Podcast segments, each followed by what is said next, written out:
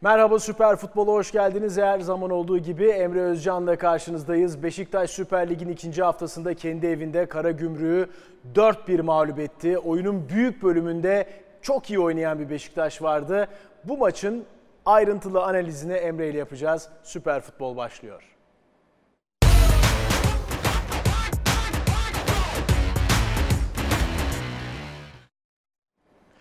Emre hoş geldin. Hoş bulduk merhaba. Şimdi 4 birlik bir galibiyet var Beşiktaş adına ve e, bilmiyorum sen de katılır mısın? Yaklaşık 60 dakika kusursuza yakın bir oyun var. Yani Evet. maçın başından 60. dakikaya kadar.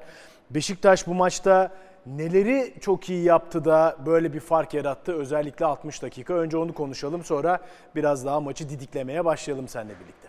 E, aslında enteresan bir futbol günü oluyor diyebiliriz. Yani Beşiktaş'ın yaptığına bağlamak için söylüyorum bunu. yani hem keyifli, güzel, e, heyecanlı, adrenalin seviyesi yüksek maçları izledik. Sabah ve daha doğrusu sabah demeyeyim öğlen ve akşamüstü Premier Lig'de. E, üzerine de Beşiktaş Karagümrük maçıyla aslında finali yapmış olduk. Ya bugün biraz yani bu üç maç, daha doğrusu işte ilk maç Leeds deplasmanında Chelsea, Leeds Chelsea, sonrasında Newcastle City, City. Ve Beşiktaş Karagümrük yüksek yoğunluk futbol e, resmen. Yani 3 tane yüksek yoğunluklu futbol oynamaya çalışan takımın aslında başarısını gördük.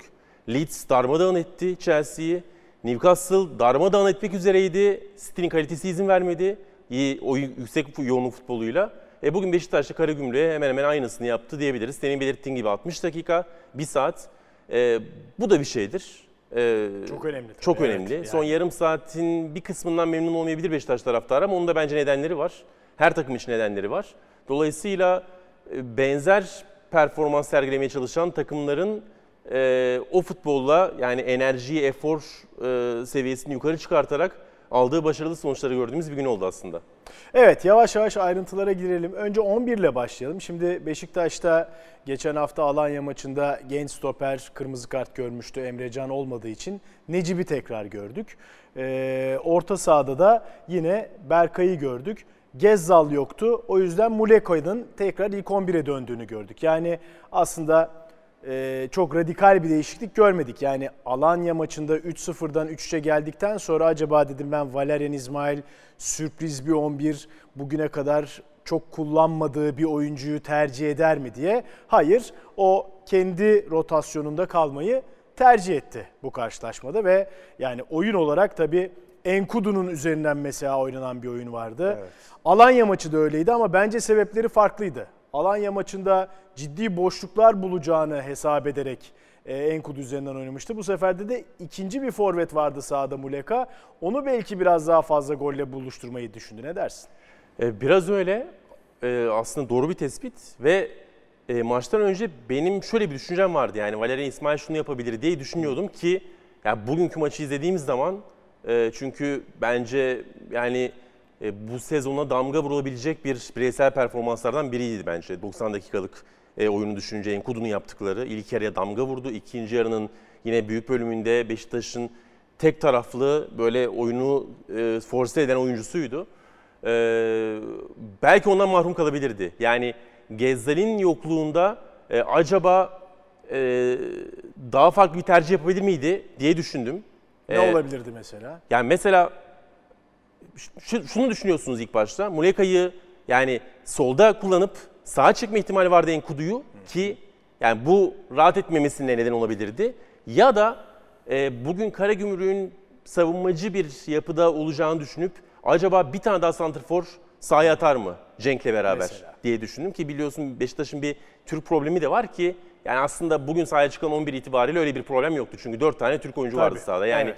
Cenk'e o anlamda ihtiyaç yoktu. Yani Berkay'ı kesip Cenk'i sahaya atar mı diye düşünebilir e, izleyicilerimiz ama öyle bir ihtiyaç yoktu. Ama e, bugün önde oynayacağını düşünüp, baskılı oynayacağını düşünüp farklı bir yani iki kenarda iki santrafor kullanma ihtimalini de düşündüm ama ilk düşündüğüm benim Muleka'nın yerini çok fazla oynatmayıp, Muleka yerine oynatmayıp sağ tarafa çekebilir mi Enkudu'yu? Öyle olsaydı ya bugünkü dominasyonu muhtemelen ortaya koyamazdı. Çünkü Enkudu gerçekten yani net bir sol kenar oyuncusu. Sahada oynadığı hemen hemen tüm maçlarda e, performans olarak kendi standartını dahi bulmakta zorlanan oyunlarını geçmişte Beşiktaş formasıyla da gördük. Önceki kariyerinde de e, buna şahit olduk. Ki senin bu e, Kafandaki soru işaretini şimdi Valerian İsmail penceresinden düşünüyorum.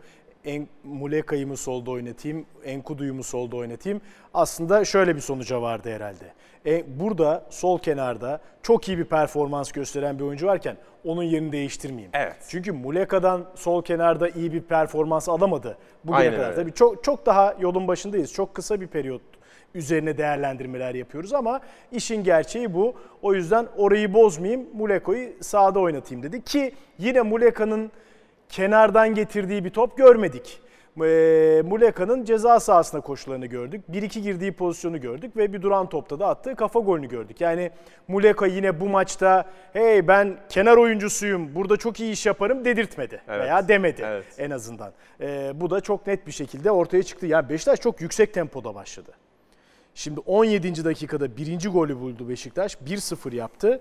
Ee, ve o dakikaya kadar hemen baktım. Opta verilerine göre ceza sahasında 10 kez topla oynamıştı Beşiktaş. Karagümrük 3 kez girmişti birinci golün bitiminde. Ve 6 şutu vardı Beşiktaş'ın. Karagümrük'ün henüz şutu yoktu. Çok yüksek eforla başladı Beşiktaş maça. Ee, çok doğru. Zaten yani bunu yapması gerekiyor. Yani Valerian İsmail e, bunu standart haline yapmak için takımın başına gelmiş bir teknik adam. Yani Beşiktaş yönetimi o oyun için muhtemelen Valerian İsmail'i getirmedi ama Valerian İsmail bu takımın başına geliyorsa bunu yapmaya çalışıyor. Evet.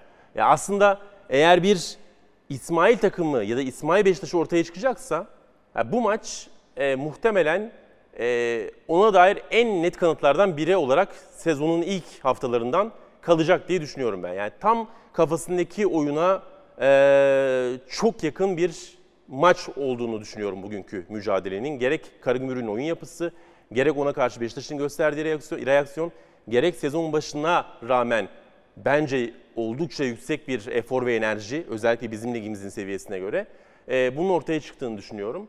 E, ve Andre Pirlo'nun oyun mantalitesi de aslında yine bu yönden uygun. Yani Beşiktaş ligin ilk haftaları itibarıyla fikstür yönünden bence bu yönden şanslı. Bunu hep Topa sahip olmak isteyen teknik adamlara karşı oynadığı için mi hep, diyorsun? hep oyunu, oyunu kurmaya çalışan teknik adamlar. Hep oyunu kurmaya çalışan teknik adamlar. Hatta ya bunu şurada da gösterebilirim. Çünkü bence bu maçın kritik noktalarından biri. Ee, zira aslında burada hemen o değişikliği yapalım. Çünkü yani biraz ki maçın ilk Çok fazla yarısında oynayamadı, çok fazla evet. oynayamadı. Salih Dursun girdi. Evet, yine. Salih Dursun girdi Biraski'nin yerine. Salih'i hemen oyuna alayım. Ee, ve ondan sonra aslında savunma dörtlüsü e, Karagümrük'ün Salih Dursun, Burak Bekaroğlu, Dreşeviç ve Caner Erkin. Bu dört oyuncunun yaptığı pas sayısı baktım maçtan sonra. Karagümrük maçı 350 civarında isabetli pasla bitirmiş. Ee, 350 isabetli pasın 160 150-160 civarı sadece savunma dörtlüsünden. Neredeyse yarıya. Neredeyse yakın. yarısı. Yani 11 oyuncunun ki Viviano'nun bile yani 25-30 tane pası var. Hadi Viviano'yu dışarıda bırakıyorum. 11 oyuncunun 4'ü neredeyse yarısını yapmış pasların. Bu tam Beşiktaş'ın istediği şey. Çünkü yani top fazla öne gelmemiş. Topu fazla ön tarafa geçirme şansını bulamamış Karagümrük. Bunda tabii ki ön tarafın çok iyi pres yapması faktör. Ve sürekli kendi arasında pas yapmaya çalışan, sürekli birinci bölgesinde ceza sahası önünde ya da ceza sahasının içinde çıkmaya çalışan bir Karagümrük. Aslında bu bunu işaret eder. Şu presi biraz detaylandıralım mı? Çünkü e, normalde nasıl baskı yapar takımlar? Eğer bu tip böyle 4-1-4-1 gibi 4-3-3 gibi diziliyorsa Santfor bir stopere gider. Orta sahadan 8 numaralardan biri bir stopere gider. Evet. İki kenar oyuncusu da beklere gider. Ama Beşiktaş özellikle akan oyunda değil de kale vuruşuyla e, kale vuruşuna baskı yaparken ilginç bir şey yaptı. Weghorst Evet. Weghorst stopere gitmedi. Weghorst ön Ozdo'ya libero'ya gitti. gitti. Evet. Defansif orta sahaya gitti. Muleka bir stopere gitti. Kendine yakın olan stopere. Enkudu diğer stopere gitti. Ve buradan Rozier Evet. Tabii ki Caner burada çizgide durmuyordu. O da biraz açılıyordu. Buradan da Masuaku yani Beklere iki- çıktı. bekler böyle bu beşliye böyle bastı. Viviano'ya baskı yoktu. Viviano çok topla oyalanırsa ancak Weghorst Ozdoyev'den çıkıp Viviano'ya gidiyordu. Ee, hani genel e, önde baskı teamüllerinin biraz dışında bir baskı uyguladı Beşiktaş ve bundan da sonuç aldı. Yani Kesinlikle sonuç al- oyunu bir türlü bekleri de şimdi genelde oyunu kurarken neye özen gösteriyor takımlar? Tabii ki merkezde bir baskı oluyor. En azından bir beki veyahut da bir orta saha oyuncusunu boşa çıkarmak için uğraşıyorlar. Ama e, Beşiktaş bu şekilde buna izin vermedi. Evet tam bir dar 4-3 baskısı e, gördük Valerian İsmail'den Beşiktaş'tan ki bunun çok benzerini çok tam aynısını demiyorum çünkü bir fark vardı. Bunu Ümraniye Spor Galatasaray maçında zaten uzun uzun konuşmuştuk e, sevgili Emek'le. E, Ümraniye yaptı Galatasaray'a karşı ama Ümraniye'nin yaptığı fark neydi? Bekleri bekleri çıkarmamıştı. Ön Evet. taraftan korktuğu için ve Fananot'la e, özellikle Sacha Boey'in ayaklarına çok güvenmedikleri için onların çıkmalarına, topla beraber gitmelerine ya da oyun kurmalarına müsaade etti ve e, oyuncular da o işte gerçekten başarısız oldu ama e, çok agresif bir teknik adam olduğu için pres konusunda Valerian İsmail bekleri de bekleri çıkardı. Burada şöyle bir tehlike vardır.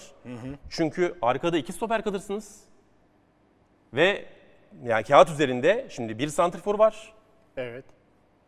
sağ ön var ve sol ön var. Dolayısıyla aslında burada 3'e 2 şansı ortaya çıkıyor. İşte bunun içinde zaten ki bunu yine Alanya Spor maçında konuşmuştuk. Evet. Baskıya çıkardığı zaman, beki beki çıkardığı zaman savunma ön oyuncusunu genellikle iki stoperin arasına alıyor. Valerian İsmail ve savunma da aslında üçlü gibi kal- kalıyor. Santfor'la eşleştiriyor. Eşleştiriyor. Orada. Evet. Dolayısıyla- Zaten iki orta sahada kalan iki orta saha ile eşleşiyor. Evet çünkü bazen sağ bek e, Masuaku çıkmasına rağmen topu başarılı bir şekilde buraya geçirdi. Ve mesela Ahmet Musa topla çizgide bulundu, buluştuğunda hep sol stoperin sayısın direkt bir şekilde başında olduğunu gördük. Burada da yine tek santriforla e, tek stoperlerini bırakmamak için Berkay'ın oraya inmesiyle beraber bir ikiye bir yani bir artı oyuncuyu, ekstra bir oyuncuyu istediğini gösterdi Valerian İsmail. Özellikle çok pozisyonda yani Ahmet Musa'yı ne zaman oynasalar Bekin önüne arkasına geçip sayısı sol çizgide gördük. Ki aslında sürat olarak birbirlerinden çok yani Musa topu önüne aldığı zaman sayısı kolaylıkla üstünlük sağlayabilecek dripling anlamında bir Tabii. oyuncu ama öyle anlar pek yaşanmadı. Çok az yaşandı veya belki bir kere falan olmuştu. Ya iyi sıkıştılar. evet. Sayısı oraya kaydıkça tabii ki Berkay'ın ya da bazen hatta Salih'in bile oraya girdiğini gördük ama yani kaymalar gerçekleşti. Ee, dolayısıyla yerleşimi iyi yaptığı için Beşiktaş zaten çok nadir de getirebildiği için Karagümrük topu. Tabii. Yani çok istikrarlı bir şekilde o top gelmedi. Birkaç pozisyonda da genellikle o çizgide e, kaymalarla beraber savunmayı başardılar. Ki zaman zaman e, Masuaku ile Rozier'in bekleri gidişi bu, bu çok uygulaması kolay bir şey değil. Yani bekleri diğer beklerle eşleştirmek öyle değil mi? Zaman zaman geciktiği anlar da oldu maçta. Yani bazen top Caner'le buluştu, bazen top Salih'le buluştu ve sonradan prese. Çünkü preste en önemli şeylerden biri de toplu halde ve doğru zamanlamayla yapabilmek. Çünkü o bir anlık gecikme o bütün hattın kırılması anlamına geliyor. Kesinlikle öyle. Çok kolay bir şey değildir çünkü yani en arkadaki oyuncu en ön, Öndeki- en- ya da en öyle. arkadaki oyuncuya çıkıyor. Evet. Yani mesafe çok fazla o yüzden bunu bu kadar agresif ve direkt birebir adam e, markajıyla ya da birebir adam baskısıyla yapmak istiyorsanız e, çok hızlı olmanız gerekir, çok çabuk karar vermeniz gerekir ve aynı zamanda da çok atlet oyuncular kullanmanız gerekir. Masuaku da Tam da onu Rozier'de diyecektim. Elindeki malzeme oyuncular. buna izin veriyor. Aynen. Başka türlü bekler mesela tersine Yani çevirelim mesela Salih Dursun gibi bir bekle yapamazsınız. veya Caner. Erkin'le de yapamazsınız Mesela. gibi. Yaş itibariyle. Ee, biri evet. fizik, biri yaş itibariyle. Aynen. Onu çok karşılayabilecek oyuncular değiller. Bakalım diğer maçlarda da benzer şekilleri görecek miyiz? Yine Masuaku ile Rozier'in iki beke kadar çıktığı daha akan oyunda değil. ee, kale vuruşu şeyinde baskılarında görecek miyiz? Onu hakikaten çok merak ediyorum. Tabii Beşiktaş'ın yani bu yüksek temposunda hem baskısının ee, baskıyı yapmanın ee, rolü var. Hem de bence duran topları iyi kullanmanın rolü var. Evet.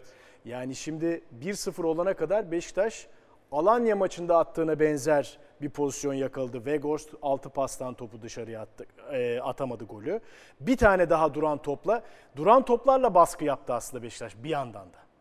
Doğru ve yani e, bir tane duran top golleri vardı. Bu maçta beraber ikinci duran top golünü buldular. Evet. Toplam iki gol ilk üç hafta itibariyle. Evet, pardon ben o direkten döneni bir an gol gibi saydım. Ha, ama yani Doğru. etki yarattılar. Du- Çok etki yaratıyor. Çok etki yaratıyorlar. Muhtemelen de e, pozisyon bulma yani duran toplardaki gol beklentisinde zirveye yakın olduğunu düşünüyorum Beşiktaş'ın. Zaten yani şu anda böyle duran toplarda ilk 3 hafta itibarıyla çok öne çıkan bir takım da olmadı en azından şu ana kadar. Gol sayıları fena değil. 3 maç 2 gol hiçbir şey fena değildir. Ama senin söylediğin gibi direkten dönen pozisyon var. Alanya Spor maçında bir tane e, yine fırsat yakalamışlardı diye, diye hatırlıyorum. Ya, yarım şans bir çeyrek Evet. şans pozisyonları vardı. E, iyi kullanıyorlar. Yani hem topu iyi kesebilecek oyunculara sahipler hem de yani ceza sahasına çok fazla yüksek oyuncu gönderebiliyorlar. Yani sonuç olarak Vegors da orada, Muleka'nın başladığı denklemde Muleka'yı oraya sokuyorlar ikinci santrfor olarak. E, yani Roman Sayıs zaten hava toplarındaki üstünlüğüyle nam salmış oyunculardan biriydi Premier Lig'de. Standardın bir ayl üzerinde bir oyuncu o yönden.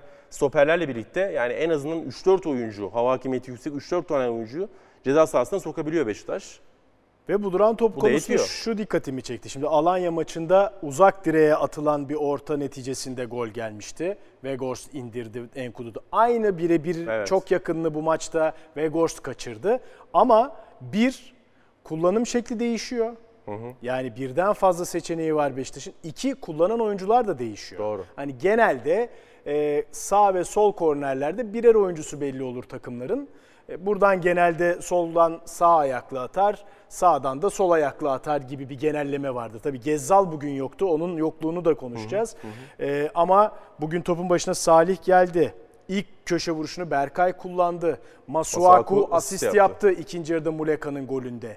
Yani orada da çeşitliliğe önem veriyor bence Valerian İsmail ki rakip savunmalar e, bu duran top organizasyonlarına karşı kolay önlem alamasınlar.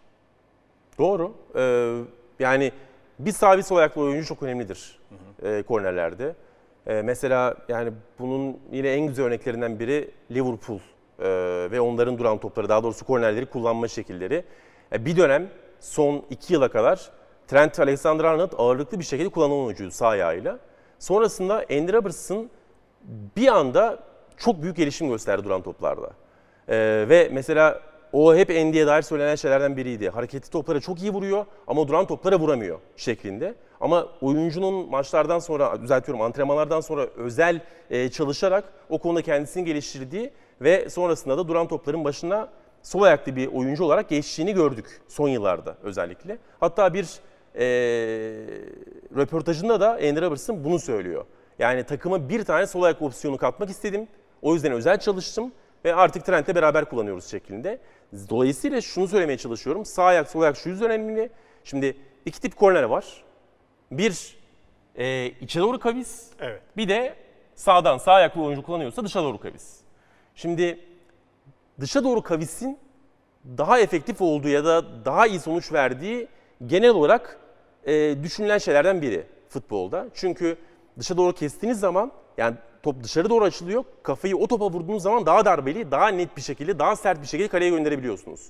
Ama e, bazı takımlar örneğinde de e, içe doğru kavisli ortaların gol oranının daha yüksek olduğuna dair bazı çalışmalar var. Yani buna dair böyle daha geniş e, kapsamlı sonuçları belki ilerleyen programlarda konuşuruz ama şunu da dikkat çekmeye çalışıyorum. Alanya Spor maçındaki Vegors'un indirdiği top da hatırladığım kadarıyla içe doğru kavisti. Tabii buradan böyle geldi. Evet. Gezzal'dan buraya. Bugün Masuaku da içe doğru kavisti bir orta Evet, yaptı. Ama bu sefer yakın Di- direğe. Yakın direğe ve direkt e, vuruş geldi onda Aynen. zaten.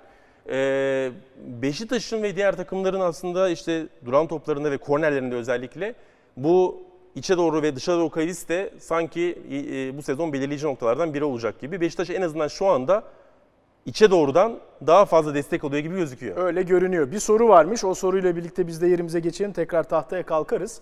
Ee, tabii burada Beşiktaş'ın az, az önce sen biraz değindin. Yön değiştirme e, hızına da bakmak lazım. Bakacağız. Nitekim ikinci gol özellikle bu anlamda e, fenomen bir gol bence. Evet. E, ama önce bir sorumuza bakalım.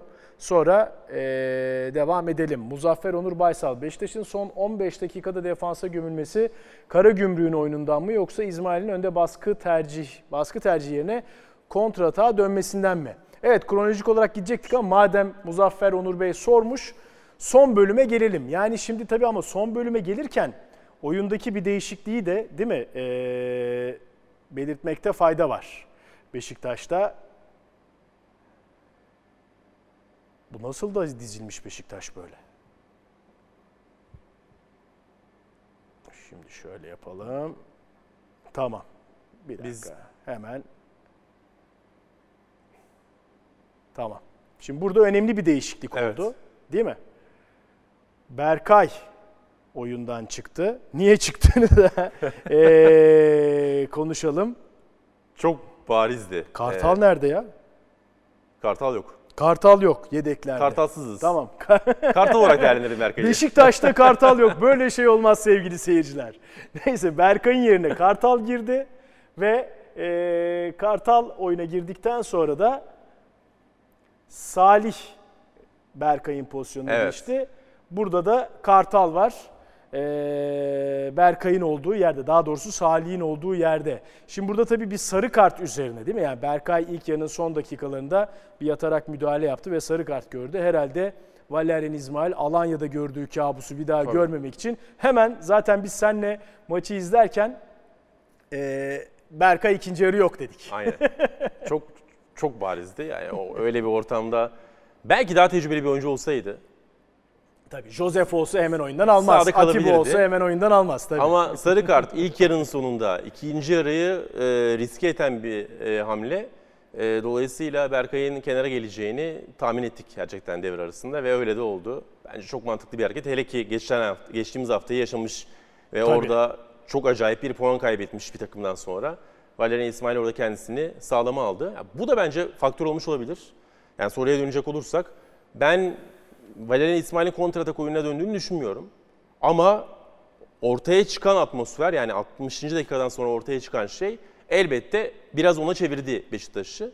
Ya burada Karagümrük'ün oyununa da hakkını vermek gerekebilir. Çünkü onlar da 60-65'ten sonra e, skoru önce 3-0 oldu. 3-1'i buldular. 3-1 ile beraber biraz daha kendilerine güvenleri yukarı çıktı. Moral Ama motivasyon 3-1'den yükseldi. sonra bence hemen reaksiyon veremediler. Yani. Hemen vermediler. Yani Zaten Evet 53'ten 61 Tabii. yani ben 3-1 olunca acaba şimdi oyun değişecek mi diye düşündüm. Değişmedi. 65'e kadar 70'e kadar değişmedi. Ama işte kademe kademe yani riski Evet. zaten süre azaldıkça son 15-20 dakikada biraz daha yukarı çıkartıyorsunuz. O da bir faktör olmuştur. Ee, ama Salih'in savunma önüne girişi de ke, bence e, Beşiktaş'ın oyun kalitesini biraz geriye götürdü. Çünkü yani ilk yarım saatte uçtu Salih. İlk yarının genelinde uçan oyunculardan biri. Enkudu açık ara yıldızdı. Salih onun hemen arkasına yazılacak oyuncu büyük ihtimalle.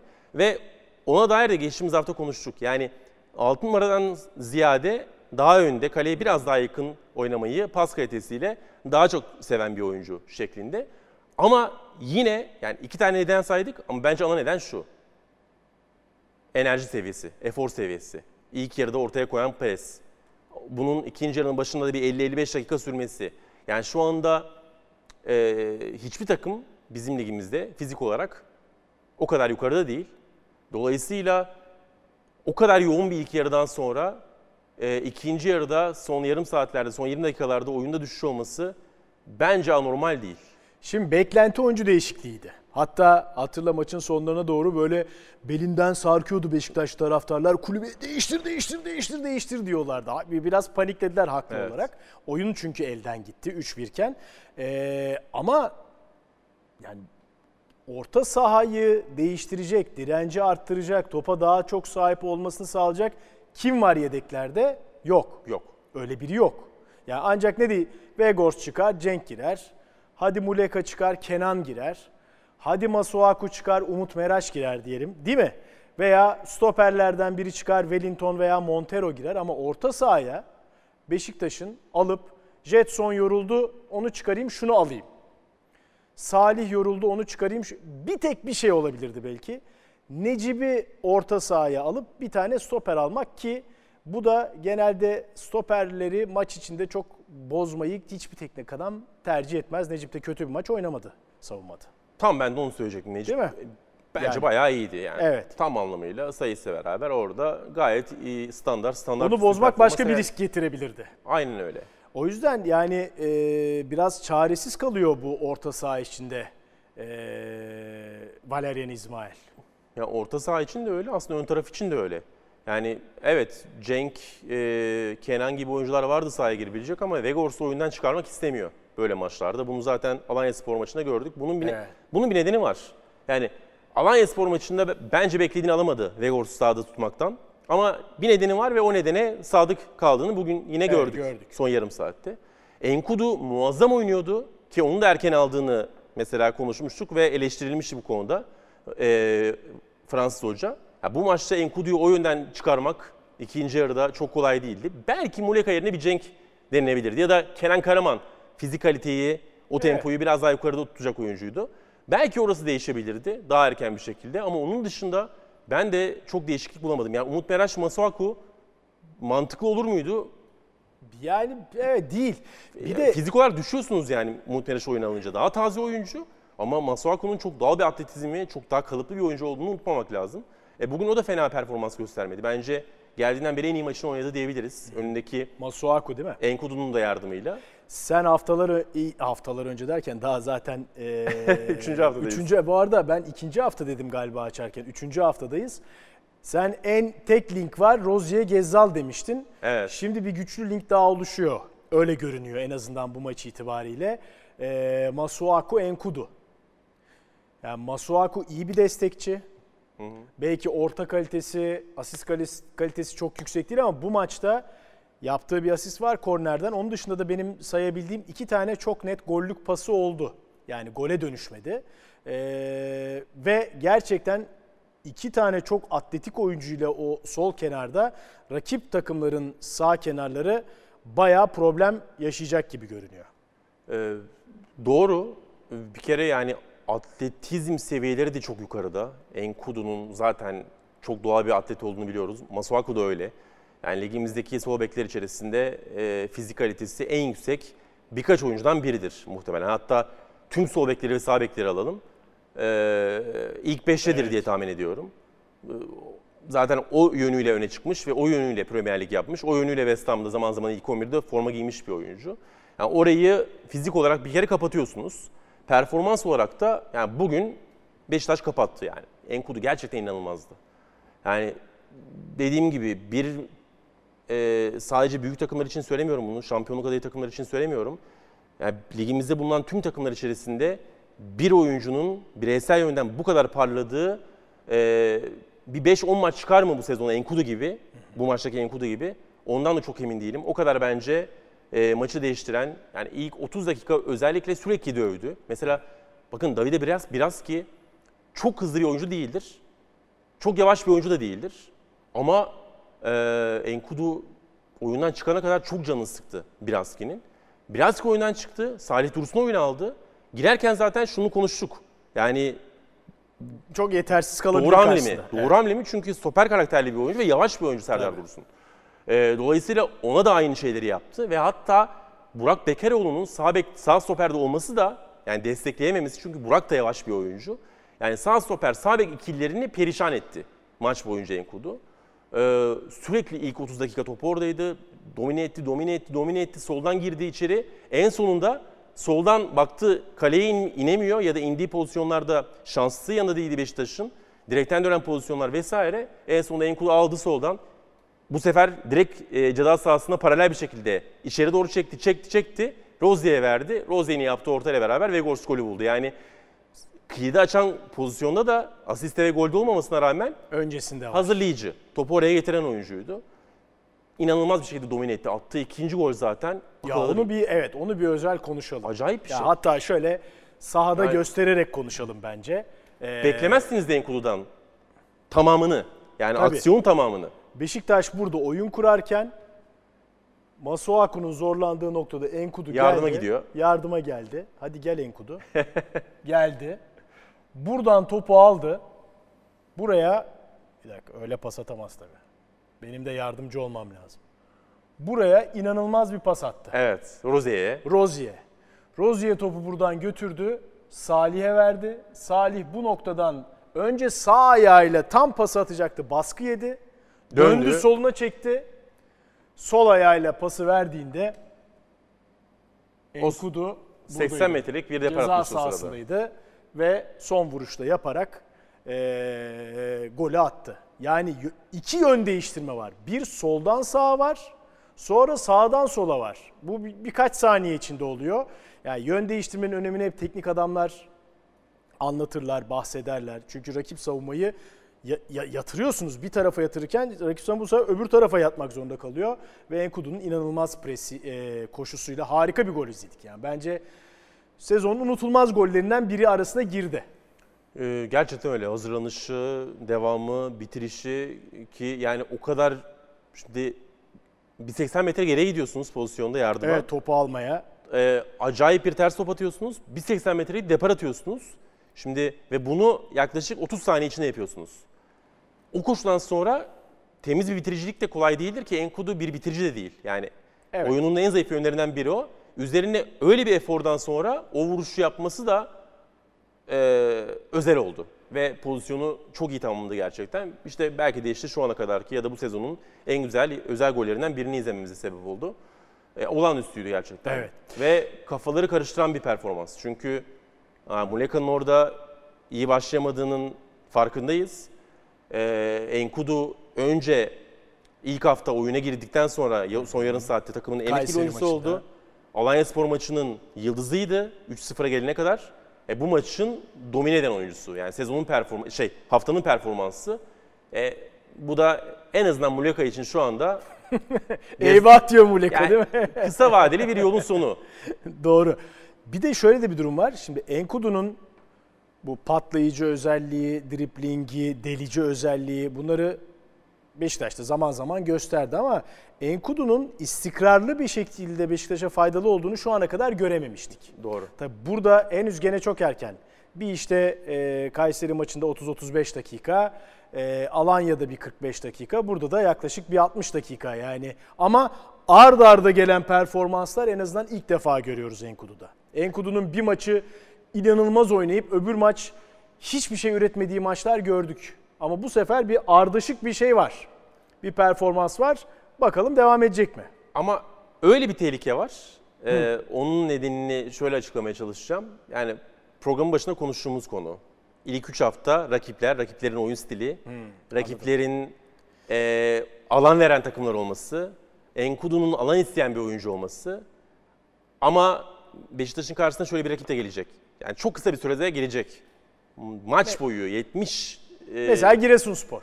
Evet 70-80 dakika boyunca kendi birinci bölgesinin önüne 11 oyuncuyla kaleci artı 10 oyuncuyla yığılıp çok oyunu dar alana iten ya da Beşiktaş'ı dar alana çeken takımlar. Ee, Enkudu'nun o takımlara karşı bu kadar oyunu domine etmesi çok kolay olmayacak. Ben de aynı kanaatteyim. Yani hani biz hep Beşiktaş acaba set oyununda başarılı olur mu, olur mu, olur mu sorusunu sorguluyor. Çünkü sorgulatan e, doneler geliyor elimize. E, bu maçta da tam net setler görmedik. Yani duran toplarla tehlikeler gördük. İşte ikinci gol inanılmaz bir geçiş oyunu. Evet. E, bunları gördük. Net setler görmedik ama ama Enkudu ile ilgili bu soru işaretine ilgili bence yine de olumlu pozitif şeyler gördük bugün. Çünkü Enkudu'nun Alanya şimdi Alanya maçında çok net geniş alanlar buldu. Metrelerce alanlar buldu yani. Metrekareler dö- dönümle dönümler buldu önünde.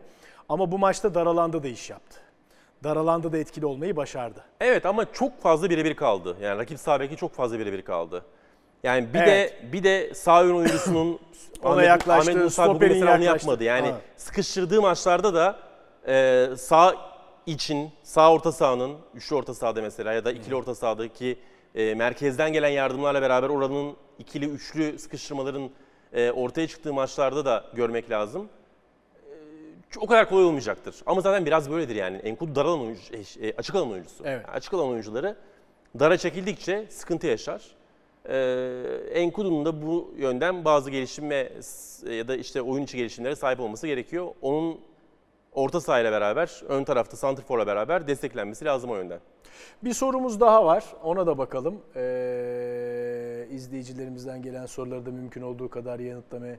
Fırat Özsu, İsmail'i Tudor'a çok benzetiyorum. Ben bunu geçen sezon Trabzon maçından sonra söylemiştim. Daha birinci maç bittiğinde. Baskı ve ben hatta sadece oyun stili olarak değil biraz saha kenarındaki davranışı olarak da benzetiyordum. Baskı ve fiziksel kalite çok yoğun ama tek plan üstünde gidiyor gibi. Her maç böyle oynayamazsın. Emre Özcan ne düşünür? Tek planlı mı sence eee Valerian İsmail? E, yani şu ana kadarki kariyeri hatta Beşiktaş'taki kısa e, süresi de Yani biraz bunun e, işaretlerini veriyor ama yani birçok teknik adam böyledir zaten. E, ki Valerian İsmail genç bir hoca. Yani kariyerinin e, sonlarına doğru yaklaşmış ya da kariyerin ortasına geçmiş bir hoca değil bence şu anda. Dolayısıyla hala başında ya da ortalarına gelmemiş bir hoca olarak değerlendirebilir. E, gelişime de ihtiyaç var. Yani gelişim gösterecek, gelişim göstermesine e, olanak tanınması lazım. Evet şu ana kadar bir yüksek yoğunluk hocası, yüksek enerji, efor hocası, daha çok kazanayım gideyim hocası, geriden oyun kurayım hocası değil. Ya da yerleşeyim, oyunu 15-20 dakika orada oynayayım hocası da değil. Ama buraya dönmeyeceğinin garantisi yok. Buraya dönmek istemediğine dair işaret yok bence. Beşiktaş gibi takımların başında daha fazla süre geçirdikçe bu oyunlara da ihtiyacı olduğunu net bir şekilde fark edecek ve o yönden de kendisini geliştirecektir bence. İşte o yüzden zaten o fırsatın verilmesi gerektiğini düşünüyorum ben bu tarz hocalara. Ee, Valerian İsmail Beşiktaş için ya da bizim ligimizin şampiyonluk adayları için doğru bir profil derken e, bunun da geçerli olduğunu ve bu yönden de fırsatlar verilmesinin, şanslar verilmesinin gerektiğini düşünerek zaten ben bunu söyledim. Ee, katıldığım bir yaklaşım, Tudor benzerliği de benzer şekilde. Ee, ama biraz hocanın kendisini değiştirmesine, kendisini bu lige, bu takıma ya da şampiyonluk adayı bir e, takım profiline adapte etmesine de izin vermek lazım. Ki aslında bunun en somut örneğini hazırlık maçlarındaki olumsuz sonuçlardan sonra ve senin çok güzel izah ettiğin gibi yeterince elinde stoper olmamasından kaynaklı dönerek. üçlü savunmadan dörtlü savunmaya dönerek gösterdi. Yani çok tek planlı olsaydı Tabii. eee veyahut da bazı teknik adamlar çok inatçıdır yani benim do- bildiğim doğru budur ve ben bunu bu yolda ilerleyeceğim derler. Öyle olsaydı bu değişikliği yapmazdı ki bu sefer de orta sahada problem yaşıyor. Eee, bu arada hani Yeni kadro, yeni takım, yeni oluşum. Şimdi kale tamam. Sol bek tamam. Sağ bek tamam. Bir stoper tamam. İkinci stoper soru işareti. Enkudu Gezzal oynadığı zaman Gezzal tamam. Vegors tamam. Jetson tamam. Salih tamam. Bir orta saha soru işareti. Joseph geldiğinde Evet. aslında yani Beşiktaş'ın şu anda hızlı bir şekilde e, istikrarlı bir kadrosu olduğu diyebiliriz. Ha bunun sonucu iyi olur, kötü olur, nasıl olur onu zamanla göreceğiz ama en azından Beşiktaş'ın 11'i aşağı yukarı belli. Ee, bu doğru.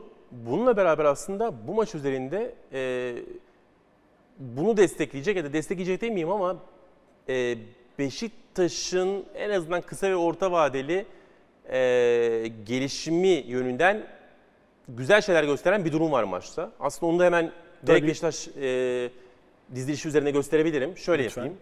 Bugün şimdi ön üçlü ne bugün? Üçlü orta saha ve Enkudu, Vegors, Muleka. Evet. Vegors gol attı mı bugün? Attı. Attı. Santrifor Beşiktaş'ın. Sol forveti kim? Enkudu. Enkudu. Attı mı bugün gol? Attı. Attı. Bugünkü sağ forvet Muleka. Muleka. Attı mı? Attı. Attı. Goller tamam değil mi? Yani forvet attı, ne olsun? atmış. Daha ne olsun? Yani bu, bu güzel bir şeydir. Evet tabii. Ee, yaratıcılık kısmına gelelim. Evet. Bugünkü orta sahanın yaratıcı oyuncusu kim? Salih. Asist yaptı mı bugün Salih? Yaptı. Yaptı. Şimdi bekler çok önemli. Yani zaten kanat beki olarak kullanırken de e, önemliydi üçlü savunmada. Ama dörtlü savunmaya döndükten sonra da beklere aynı yaklaşıyor hücumda Valerian İsmail. Bugün Rozier asist yaptı mı? Yaptı. Yaptı. Masuako asist yaptı mı? Yaptı. Duran top ama yaptı. Yaptı yani, canım. O duran top dönemidir. Bir de üzerine Rozier gol attı mı? Attı. Bir, bir, bir tane daha şöyle yapayım o zaman. Yani bence mükemmel maç üzerinde. Evet tabii. Sağ bek bir gol bir asistle oynuyor. Yani kenarlar tamam, santrforlar tamam. En yaratıcı oyuncunuz merkezdeki Salih'ten gelen asist çok güzel de bir asist tamam. Çok. Yani e, ne hangi oyuncudan neyi beklediyse aslında bu maçta onu aldığında gösteriyor sanki Valerian İsmail. Evet güzel bir noktaya değindin. Peki burada biraz Jetson'a bir parantez açmak istiyorum. Şimdi özellikle topu geri kazanmada eee, sahipsiz toplarda falan Jetson'u görüyoruz. Bence burada bir problem yok. Jetson'un hücuma katılımında bence hücumdaki efektifliğinde veyahut da tamam Jetson bir 10 numara kadar öyle bir yaratıcı oyuncu değil ama Jetson'un iki yönlü diye tarif ederken hem savunmada kazandığı toplarla, top rakipteyken yaptığı işlerle hem de top Beşiktaş'tayken veya kendi takımında yaptığı işlerle de e, ön plana çıktığı için Jetson işte büyük transfer olarak Beşiktaş'a geldi doğal olarak. Bugün dördüncü golde ceza sahası önünde topu kenara açtı Kartal'a. E, Kartal'ın asistiyle gol geldi. Onun dışında çok fazla hücumda etkin olduğunu görmüyoruz. Bunun sebebi ne olabilir? A. Arkasındaki Berkay veya Salih mi olabilir? Yani orada Josef'in oraya geldiği zaman Jetson'u daha önde görme ihtimalimiz artar mı? Kesin. Değil mi? Yani, Kesin. Yani ana sebep bu sanki. Arkaya ne kadar güvendiği önemlidir bu tarz oyuncuların. Yani 1-8 numara, üçlü orta sahada 1-8 numara çok rahat bir şekilde öne gitmek için arkasına güvenmek ister. Şimdi arkaya bakıyor, Berkay'ı görüyor bu maçta. Daha önce arkaya bakıyor, Salih'i görüyor. Evet. o kadar kolay değil. Öyle olunca yani arkaya baktığı zaman bu oyuncuları görünce ya benim savunma yönünden de tutuculuk yönünden de bu takıma bazı şeyler vermem gerekiyor diye düşünüyor ve kafasına ekstra sorumluluklar belki geliyor e, Jetson'un. Yani bunun kafaca ben rahatsız ettiğini düşünüyorum. Evet olabilir. Yani Josef'le beraber çok daha farklı bir şey gösterecek bize. Ama Josef'le beraber de farklı sıkıntılar ortaya çıkabilir. İşte Dele Alli bu yönden de mesela e, kritik bir hamle olabilir gibi. Çünkü üçlü orta saha, Josef gol atmıyor, Jetson gol atmıyor. Üçüncü orta sahadan mutlaka gol al- alması lazım Beşiktaş'ın. Yani bu maçta almadı ama bu maç bir şekilde yani gördü işte, işini gördü. Öndeki üçlü attı, bekler e, asist yaptı. En sonunda maçın gitti bek bir tane gol attı. Tamam bu maçta sıkıntı yok. Ama bazı takımlar bu alanları vermeyecek. Bazı takımlar çok daha iyi takım savunmasına sahip olacak. Bazı takımlar Karagümrük bu sezon Andre Pirlo ile çok e, yoğunluk ortaya koyabilecek bir takım olacak mı ondan çok emin değilim. Bazı takımlar yüksek yoğunluğa yüksek yoğunlukla cevap verecek. O zaman işte orta sahanızdan skor desteği almanız da gerekecek. Böyle bir ortamda Jetson'la beraber üçlü orta sahalar bazı riskleri beraberinde getiriyor. O zaman madem sen konuyu Delali'ye getirdin. Dün biraz emekle konuştunuz. Çok da güzel e, detaylandırdınız ama ben biraz da saha içine hani Tabii. yaptık ya Torreira'yla Mertens'i daha Okan Hoca'dan önce koyduk. Daha biz bu sefer transfer daha kesinleşmeden e, bir Delali'yi sahada görelim. Mesela Kartal'ı çıkaralım değil mi? Zaten şu anda Josef de Souza'da yok. Evet. O yüzden Delali geldiğinde muhtemelen Salih, Jetson, Delali gibi bir üçlü göreceğiz. A. Delali burada hangi pozisyonda oynayacak? Böyle bir 8 numara gibi mi oynayacak? Yoksa gel şu şeyleri de silelim. Evet. Yoksa gel Jetson Salih'in yanına veya Salih gel Jetson'un yanına. Delali böyle bir forvet arkası mı olsun olacak? Bence böyle olacak. Değil mi? Yani Delali'den bir 8 numara e, performansı beklemek biraz hayalcilik olur. kolay değil. Yani bunu milli takımda görmüştük 2018 Dünya Kupası'nda. Savunma önün yani 3-5-2'de üçlü orta saha, bir savunma önü, üçlü savunma önünde. Evet tamam şimdi sen Sol iç sağ iç şey, e, Dele ile beraber kim oynamıştı? Dur buluruz. Sen onu, bu, Jesse, onu- Jesse Lingard oynamış olabilir. olabilir. Ee, öyle bir ikili orta saha yani savunma yönüyle beraber. Orada bir 8 numara gösterdi bize ama Tottenham'da hiç yani çok nadir oynamıştır diye tahmin ediyorum. Ya 4-2-3-1'in e, 10 numarasıydı ya da 3-4-3'ün iki forvet arkası, iki 10 numarasından biriydi. E, Mauricio Pochettino döneminde. Bence kesin olarak böyle olacaktır. Ve bu Jetson'a da iyi gelebilir. Çünkü burada söylediğimi hatırlıyorum ben. Evet. Bir iki orta saha bence Jetson. Yani üçlü orta sahadaki riskleri az önce anlatırken aslında oraya da gidiyoruz. Jetson ikili orta sahalarda o mesafeyi daha rahat e, hisseden, daha rahat e, ortaya koyan, mesafede oynamayı e, sahaya yansıtabilen bir oyuncu. Benfica'da da böyleydi. Florentino ile beraber ilk çıkışında e, sürekli 4-4-2'nin ya da işte 4-2-2-2'nin çift merkezli, çift, çift pivotundaki oyunculardan biri olarak parladı. Bütün maçlarında böyleydi. Zaman zaman kenara attığı olduğunu Benfica'nın. Tottenham transfer ederken sağ önde de düşünüyoruz. Orası için de yedeklemesi yönünden yaptığımız bir transfer diye açıklaması var Jose Mourinho'nun. Ama ikili orta sahalarda en iyi performanslarını vermiş bir oyuncu. Hem Jetson'a iyi gelir hem Dele Alli'ye iyi gelir bu. Aynı zamanda da Kime bence kimden ziyade diziliş olarak 4-2-3-1'in ya da dörtlü savunmanın bundan sonra bozulamayacak bir yapı olduğunu bize gösteriyor olabilir. Çünkü 3-4-3 ya da 3-5-2'de Evet. 3 hücumcu var. Şimdi Beşiktaş'ta Vegors var, Tamam. Muleka var, Enkudu var. Enkudu var, Tamam. Gezzal var, Tamam. Dele Ali var. 5 tane oyuncu var. Hadi Gezzal'ı burada Muleka'nın yerine koyalım. İdeal 11'inde bu durum bu. Enkudu, Vegost, Gezzal. Gezzal. Bir de Dele Ali var. Tamam. Ee, 3-4-3'ü nasıl oynayacaksınız? 3-4-3'ü. He, Oynayabilir misiniz? Tamam soru bu anladım şimdi. 4 tane hücumcu varken sahada tane 3-4-3'ü nasıl oynayacağız? Nasıl Tamam, oynayacaksınız? Olmaz. 3-5-2 nasıl oynayacaksınız? Yani Vegors, Muleka, Dele Ali, Gezzal nerede? Evet. Gezzal'i koydunuz Dele Ali nerede? Tamam. Enkudu zaten hiç yok 3-5-2'de. Doğru. Ee, Dele Ali'den sonra dörtlü savunmanın bozulması çok zor bence. Yani bu sezonun ana yapısı bu olacak diyebiliriz. Onu onu ifade ediyor olabilir bize. Peki Dellal'in tabii yani formundan ve performansından bağımsız gibi saçma bir cümle kurmak istemiyorum ama hangi formunu ele alacağımızı bilemiyoruz şu anda. Yani Çok- çok 2017-2018'deki 15 gol 14 asist aşağı yukarı 30 gole katkı yapan Dellali mi yoksa son 2 sezondur düşüşte olan Dellali mi? Zaten düşüşte olmasaydı şu anda Süper Lig'de herhangi bir takımın gündemine gelemezdi. Aynen. Peki teknik olarak Dellali buraya geldi oturdu ilk 11'de çıktı sahaya. Ne katar Beşiktaş'a? Arkasındakilere ne katar? Önündekilere ne katar? Ee, bir kere yani hemen her şeyi yapan bir oyuncu. Yani her şey var Delali'de. Yani gol vuruşu mükemmel değil, var. Yüksek gol rakamlarına çıktı Tottenham'da. Pas en elit pasörlerden biri değil. Hiçbir zaman Premier Lig'de en elit pasörlerden biri olmadı ama pas var. Yüksek asist sayılarına çıktı.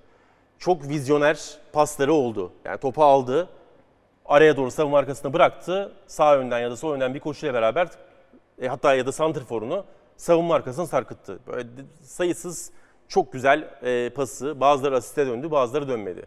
Bunu yapar. Vizyonu vardır. E, yani toplu oyunda aslında yapamayacağı şey çok az olan bir oyuncu Delali. Gerçekten böyle. Yani bir eksiğini futbol olarak, oyuncu olarak, bir orta saha olarak ya da bir on numara olarak toplu oyunda bir eksiğini çok fazla göremiyorsunuz. Hiçbir şey de mükemmel değil ama her şeyden olan bir oyuncu. Ama eksik, fizik kalite biraz eksikti. Ama bu da Premier Lig özelinde eksikti. Yani Premier Lig'de çok büyük atletler var. Çok hızlılar, çok güçlüler. Bunların hepsi birleştiği zaman sizin fiziksel zayıflıklarınız çok daha fazla Ortaya çıkıyor. ortaya çıkıyor. Ve dolayısıyla o farkla beraber yani o yönden geri kaldığınız için tekniğinizi de ya da oyun gücünüzü de istikrarlı bir şekilde sahaya yansıtamıyorsunuz. Çünkü sizden herkes daha hızlı, herkes daha güçlü. Ee, zaman vermiyorlar size, alan vermiyorlar. O zaman sıkıntılar yaşamaya başlıyorsunuz. O sıkıntılar sonrasında mental, psikolojik yansımalara ve olumsuzluklara neden oldu. Delali direkt bir şekilde düştü. E şimdi öyle bir fiziksel sıkıntı oradaki kadar olmayacak burada. Tabii Muhakkak. ama şunu da kabul etmemiz lazım. Geçtiğimiz sezon oyuncu ligin ilk yarısında neredeyse hiç oynamadı. Everton'a gittikten sonra çok az oynadı. Sürekli kenardan geldi. İlk 11'de çıktığı maç sayısı 2. Ondan önce formasını yavaş yavaş kaybetmeye başlamış. Yani son 1,5-2 senesi çok oynadığı, maç ritmi olan, fiziksel yönden kendisini geliştirmesini ya da bir seviyede tutmasını sağlayan maçları oynadığı bir dönem değil. Değil evet. Ee, bunun buraya yansımalarını görmek için galiba oyuncunun biraz sahaya çıkmasını e, ve e, oynadığını görmemize ihtiyacı var. Şimdi gene bir takım bütünlüğü açısından da bakalım bir olaya. Ee, senle Mertens üzerine konuşurken yani Mertens'in buraya gelişiyle buradaki ikilinin nasıl oluşabileceğini, bunlara bu iki oyuncuya binecek yükün artacağını Evet, konuşmuştuk, evet. tartışmıştık. Hatta ben artık orada belki Galatasaray'ın bir üçlü, üçlü orta sahayla oynaması gerekebileceği noktasına doğru gittiğini düşünüyorum. Şimdi burada böyle bir üçlü var. Mecburen Josef'i bu üçlüye koyamıyoruz şu anda. Evet. Jetson, Salih, Delali. Valerian İsmail nasıl futbol oynatmak istiyor? Yüksek efor, baskı, Aynen. topu çabuk geri kazanma. Bu üçlüyle olur mu? Salih'le çok kolay değil. Josef'le olur. Tamam. Josef mü- müthiş taşır. Yani Joseph geldiği zaman bu öndeki dörtlüyü taşıyabilirler. Evet. Ama Jetson Salih olursa bu öndeki dörtlüyü zor taşırlar. Zor Böyle bir- taşırlar. Bir taraf hafif yana eğilir yani. Dele Alli'nin biraz topsuz oyuna da odaklanması gerekir en azından Josef dönene kadar. Öyle bir problem var. Ee, Salih varken Dele Alli'nin pasörlüğü buradaki aslında oyun vizyonunu da çok yukarı çıkartıyor. Ama topsuz oyuna gereği gidiyorsunuz. Josef geldiği zaman Dele Alli'ye pas yönünden çok ihtiyacı olur buradaki orta üçünün. Çünkü Josef bir pasör değil. Jetson şöyle biraz pasör. Dele Alli orta üçlünün o zaman en çok öne çıkan oyuncusu olacak. Ve yani Beşiktaş onun ayağına biraz bağımlı olacak merkezde. Josef'in olduğu denklemde. Yani farklı yönlerden buradaki arkadaki ikilileri Dele Alli tamamlayabilecek bir oyuncu olarak öne çıkıyor. Güzel bir peki o zaman kaç Türk olacak sorusu geldi. Ersin. Salih'e, mu- Salih'e mutlaka O- ihtiyaç o- var. Onu hiç hesaba Tabii. katmadık. Tabii Salih'e mutlaka ihtiyaç var. Ön tarafta Evet. girebilecek yerli var mı? A burada Umut Meraş Masuaku'yu zorlar. Değil mi? Yani Zorlar. Yerli Emre- sayısında. Şimdi Emrecan, diyelim ki Emrecan olabilir ama yani sayısı mutlaka oynayacak burada. şimdi diyelim ki hakikaten Jetson, Joseph Dellali oynayacak. Tamam mı? Gezal'dan vazgeçebilir mi? Hayır. Geçemez. Enkudu'dan şu anda vazgeçebilir mi? Şu anda değil ama zaman zaman Cenk mecburiyet olacak gibi. Vegors'tan vazgeçebilir mi? Yani bu üçlü Zor. bir de bu üçlü oynadığı zaman Joseph'li 6 kişi böyle. O zaman 3 yerli için kaleci artı geri dörtlü kalıyor. Burada Umut Meraş'a gün doğar. yani ikinci stoper dediğin gibi Says'in yerine oynatacak bir Türk stoperi olmaz. Tabii. Bu da, bu da vazgeçim. Bu oyuncu da vazgeçilmez. E, Rozier'in öyle bir yedeği yok. Yani Mas- Umut Meraş'a gün doğar gibi geldi bana. Olabilir. Mutlaka zaman bulacaktır ama Masuaku da uçarsa kesmesi çok zor olur e, Valerian İsmail'in. Ama yine de şu altılıya baktığımız zaman Tabii. şunu Joseph olarak sayalım. Kesmesi en kolay olan Masuaku olur bence. Öyle. Bir de şöyle bir problem ortaya çıkabilir Delali'nin gelişiyle beraber. Şimdi genelde biliyorsunuz set oyununda ya da yerleşimde beşli hücum hatları ortaya çıkıyor. Evet. Şimdi solda Enkudu var. Evet. Enkudu, Muleka ya da sadece Gezel diyelim. Gezer evet. Rozier geldi. Geldi. bir bekle beraber aslında hücumcu yani beşliği ortaya koyuyor Beşiktaş. Yani bir bekin geldiği denklemde diğer bekin biraz daha kontrolcü, biraz daha koridoru kullanan ya da içeriği kullanan oyuncu olması lazım. O yüzden Masuaku bunu yapamaz. Rozier'in biraz daha burada kaldığı, oyunun soldan Masuaku'dan genişlediği bir böyle yapı Dele Alli ile beraber ortaya çıkabilir. Çünkü beşli tamam, altıncı oyuncuyu gönderdiğiniz anda buraya o zaman topu kaybettiğiniz zaman arka tarafta alanlar artıyor. Masuaku niye Rozier'in yaptığını yapamaz? Hangi açıdan? Ee, çünkü çok tempolu bir oyuncu. Yani ve tamamen atletizmiyle oynayan bir oyuncu. Yani Rozier'in pas kalitesini ben biraz daha yukarıda buluyorum Masaoko'ya göre. Ee, ondan bir kontrol beki yaratmak çok kolay değil. Mesela Rozier'i bu yüzden üçlü savunmanın zaman zaman hazırlık maçlarında sağ stoperini çekmişti. Ama bunu asla Masuaku ile yapamazsınız. Yani pas kalitesiyle oyun kurarken iyi pres yapan takımlar sizi buradan bozguna uğratabilir, buradan patlatabilir. Rozier o yönden o kontrol işini daha yapabilecek. Masuaku'yu da biraz daha öne itebilecek bir oyuncu. Yani Rozier'in rolünde bazı değişimler ortaya çıkabilir derleden sonra. Yani eskisi kadar mesafede oynaması mümkün olmayabilir gibi geliyor bana. Ki aslında bu bir eksi şu açıdan bence. Çünkü Masuaku her ne kadar bugün bir asist benim sayabildiğim kadarıyla iki de asist yani gole dönüşebilecek pas vermiş olsa da Rozier'in ön taraftaki kalitesi de Masuaku'ya göre daha yukarıda. Tabii ki.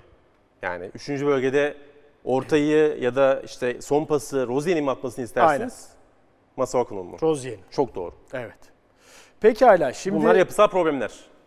Evet evet yani işte bir ya işte bir takım oluşturmak o kadar Çok zor. ki. Çok zor. Yani aldım ben işte Dele Ali'yi, Vegors'tu, Enkudu'yu, Torre, e, Torreira'yı, Mertens'i, Arao'yu, Bruma'yı aldım. Hop bunlar bir araya geldi oynadı değil. Gerçekten birinin girip birinin çıkması bir yeri eksiltip başka bir yeri artıya dönüştürebiliyor. Aynen öyle ve ba- yani belirli alanlar var oyunda, sahada. Bu belirli alanların belirli oyuncular tarafından, belirli sayıda oyuncular tarafından işgal edilmesi lazım. Aynen öyle. E, dolayısıyla öne yaptığınız bir ekleme arkadan öne gelen bir oyuncunun daha geride kalmasına sebep olabilir bu oyunda. Delali ile birlikte öyle ihtimaller ortaya çıkıyor Beşiktaş'ın arka tarafında. Valerian İsmail'in maç sonu e, açıklamalarına bakalım. Alanya Spor maçına benzer bir senaryo yaşandı. 3-0 öne geçtik ama bu kez 11 kişi tamamladık. Yani 10 kişi tamamlasaydı Beşiktaş gene puan mı kaybedecekti? İkinci yarıda bazı anlarda düştüğümüzü söyleyebilirim. Bu istediğimiz bir şey değildi. Tabii. Her zaman önde oynamayı hedefledik. Bu sefer oyunu iyi tuttuk ve hak edilmiş net bir galibiyet aldık. Yani kontrata dönmedim diyor aslında bu açıklamayla beraber. Evet, Takımın pilliği bitti ya da başka bir şey ya da rakip reaksiyon gösterdi bizi itti. Bu da ortaya çıkabilir. Oyunu iyi tuttuk kısmına tam katılamadım ama. Ya ben geç, geçen gene aynı şeydi. Bunu mu? Çeyrek tutmak, şans. oyunu tutmak, topa sahip olup evet çok üretememek olabilir ama oyunun kontrolünün kendinde olmasıdır bence Evet. oyunu tutmak. Hı hı. Yani tamam ilk 60 dakika çok eforlu oynadım. Kalan 30 dakikada top genelde bendeydi. Çok öne gitmedim. Ee, ekonomik oynadım falan. Orada bence Raşit Gezzal'ın olmayışı aslında son 30'da daha büyük problem oldu. Raşit Gezzal'ın sahada olduğunu düşünelim son 30'da. Beşiktaş en azından topa daha fazla sahip olurdu. Topun önüne kalma süresi Da- artar. Aynen öyle. Ve o son 30 dakikayı daha az stres yaşayarak veyahut da kalesinde gene çok büyük tehlikeler görmedi ama kalesinde daha az tehdit görerek yaşardı bence Gezzal olsaydı. Tamamen katılıyorum. Hoca da zaten net bir şekilde belli etmiş. Ee, yani aslında bizim isteğimiz dışındaydı diyor ama bizim hocalarımız böyle çok açık şeyler söylemiyorlar basın toplantılarında. Yani nedenleri net bir şekilde ortaya koymuyorlar. Bir şey söylemiş ama Karagümrük mü oynadı bizi itti yoksa işte enerjimiz bitti o yüzden mi yapamadık? Pres yüzünden çok fazla yorulduk. O yüzden mi son 20 dakika kalemize çekildik? Ee, Bunları söylemek istemiyorlar çok fazla. Bunun da nedenleri olabilir. Ama yani dışarıda yine yani özellikle İngiltere'den ve Almanya'dan örnek vereceğim. Ya Bundesliga'nın ve Premier Lig'in hocaları bu yönden çok daha açıklayıcı. Çok daha bazı neden ve sonuçları böyle e, net bir şekilde ortaya koyuyorlar maçlardan önce ve maçlardan sonra özellikle basın toplantılarında. Ben bizim teknik adamlarımızdan da böyle daha açıklayıcı ifadeler duymak istiyorum o yüzden onu söylemek istedim. Evet e, çünkü merak ediyoruz. Sebeplerini öğrenmeye çalışıyoruz. Hoca da sonra- bilmiyor olabilir bu arada. Yani çünkü bakın buna şu anda karar veremezsiniz. Bunun analizi için belki bir daha izlemeniz lazım maçı. Kara, Tabii, Karagümrük mü sizi itti yoksa enerjiniz tükendiği için mi daha çok kendi yarı sahanıza yaslandınız? Kendi ceza sahanızın üzerine doğru yığıldınız? İkisi de olabilir neden ama bunu şu anda Valerian İsmail söyleyemez. Ama en azından kendi fikrini ifade edebilir. Onu söylemeye çalışıyorum. Tabii bizim burada yansıttıklarımız bu arada hemen maç sonu flash interview'da yaptıkları Tabii. açıklamalar. Ee, o da çok uzun olmuyor. Çok fazla soru sorulamıyor vakit darlığı nedeniyle. Basın toplantılarından bazen daha verimli şeyler ee, çıkabiliyor. Peki şimdi 3 maçtır Beşiktaş'ın orta sahasında ya Kartal ya Berkay. Fark etmez. Ee, hatta ee, bu maçta bir devre Berkay bir devre Kartal oldu. Bu oyuncuların ikisini özelinde soruyorum. Yani 11'i zorlama olasılıklarını işte Josef döndü, Dellali geldi. O senaryoda e, tamam yerli sayısı onlar için hep bir avantaj olacak ama e, bu ışığı, bu pırıltıyı gösterdiler. Mesela Kartal bende o pırıltıyı pek göstermiyor. Ya evet ya Kartal olacak. Kartal bu sezon daha fazla süre almalı. Kartal daha çok oynamalı, daha çok süre almalı ve ileride belki seneye Beşiktaş'ın ideal 11'inde olabilir. Işığını ben henüz göremedim Kartal'da. Keza Berkay'da da çok görmedim. Ne dersin? Ya katılıyorum buna. Ee, ama tabii çok az zaman harcadılar yani. Kartal'ın Evet, sağlık an- evet, süre doğru. çok yeterli değil. Berkay için de aynı şekilde. Ee, çok erken konuşmak doğru olmayabilir ama şöyle bir önümüze şöyle bir gerçek de var. Emirhan İlkan geçtiğimiz sezonun ilk maçına çıktığında ilk maçında bir şeyleri gösterdi. Evet.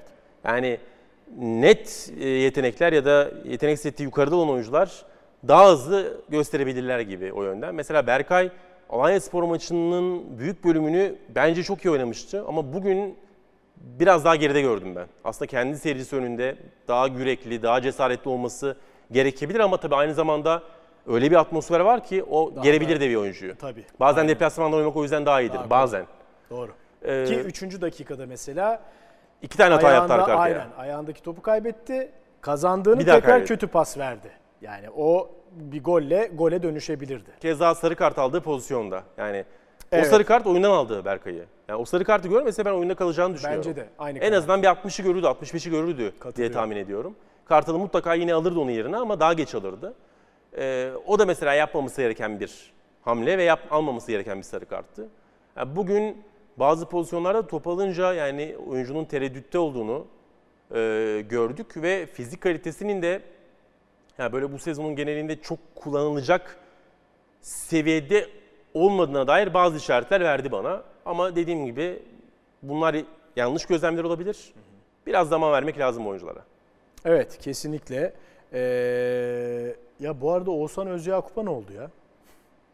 Yani şimdi bu kadar orta saha problemi yaşarken Beşiktaş ee, ama yıllardır Oğuzhan Özyakup hiçbir performans göstermiyor. Şu anda zaten sözleşmeli futbolcusu da değil Beşiktaş'ın sözleşmesi bitti ama yani şurada yedek kulübesinde bir Oğuzhan olsaydı oyuna girip bir katkı sağlasaydı Beşiktaş'a veya ilk 11'i zorlasaydı Ya benim çok böyle e, canımı sıkan konulardan biri aslında bu. E, Oğuzhan üzerinde söylemiyorum ama ya Oğuzhan Özyakup seviyesinde yeteneğe sahip olan oyuncuların fizik kalitesinin bu kadar uzun süre gelişmeden devam etmesi e, beni yaralıyor çok. Ben bu yönden Oğuzhan'ın e, kendisinin de biraz sorumlu olduğunu düşünüyorum. Çünkü yani artık ee, yani ağırlık antrenmanları futbolun içine tamamen girmiş durumda. Yani o bacakları, o e, üst kütleyi, sırtı, e, omuzları belirli seviyede güçlendirmek ve atletizm seviyesini yukarı çıkarmak çok mümkün ve bunu kısa sürede yapabiliyorsunuz. Yani Oğuzhan'ın fizik gelişimi geldiğinde neyse çıktığında da oydu neredeyse. Hiç gelişmedi o yönden. Ben bireysel e, antrenmanlarının o yönden düşük olduğunu düşünüyorum. Peki son olarak Pirlo hocama da bir değinelim. Yani eee, iki tane dört gollü ga- galibiyet diyorum mağlubiyetle başladı. 4-2, 4-1. Yani bir sezon başlangıcı için eee, çok kabul edilebilir değil. Hangi takım başında olursanız olun. Evet. Nitekim Kasımpaşa'da, gerçi Kasımpaşa'daki teknik direktör devinimi biraz farklı parametrelere bağlı sanki ama orada da bir 4 gollü, bir 6 gollü e, mağlubiyetin ardından değişim yaşandı. E, Karagümrük iki maçta en azından geçen seneki görüntüsünden belki oyun mantalitesi benzerdi ama e, geçen seneki görüntüsünden çok uzaktı. Ee, Evet öyle gerçekten. Yani ve ilk iki hafta itibarıyla çünkü ilk, şu, şu yüzden ilk iki hafta diyorum. ikinci haftayı bay geçtiler. Evet. İkinci maçta Zaten oynadılar. benim kafamı karıştıran o oldu program Muhtemelen, başında. muhtemelen. Karagümrük'ün ikinci maçı bu.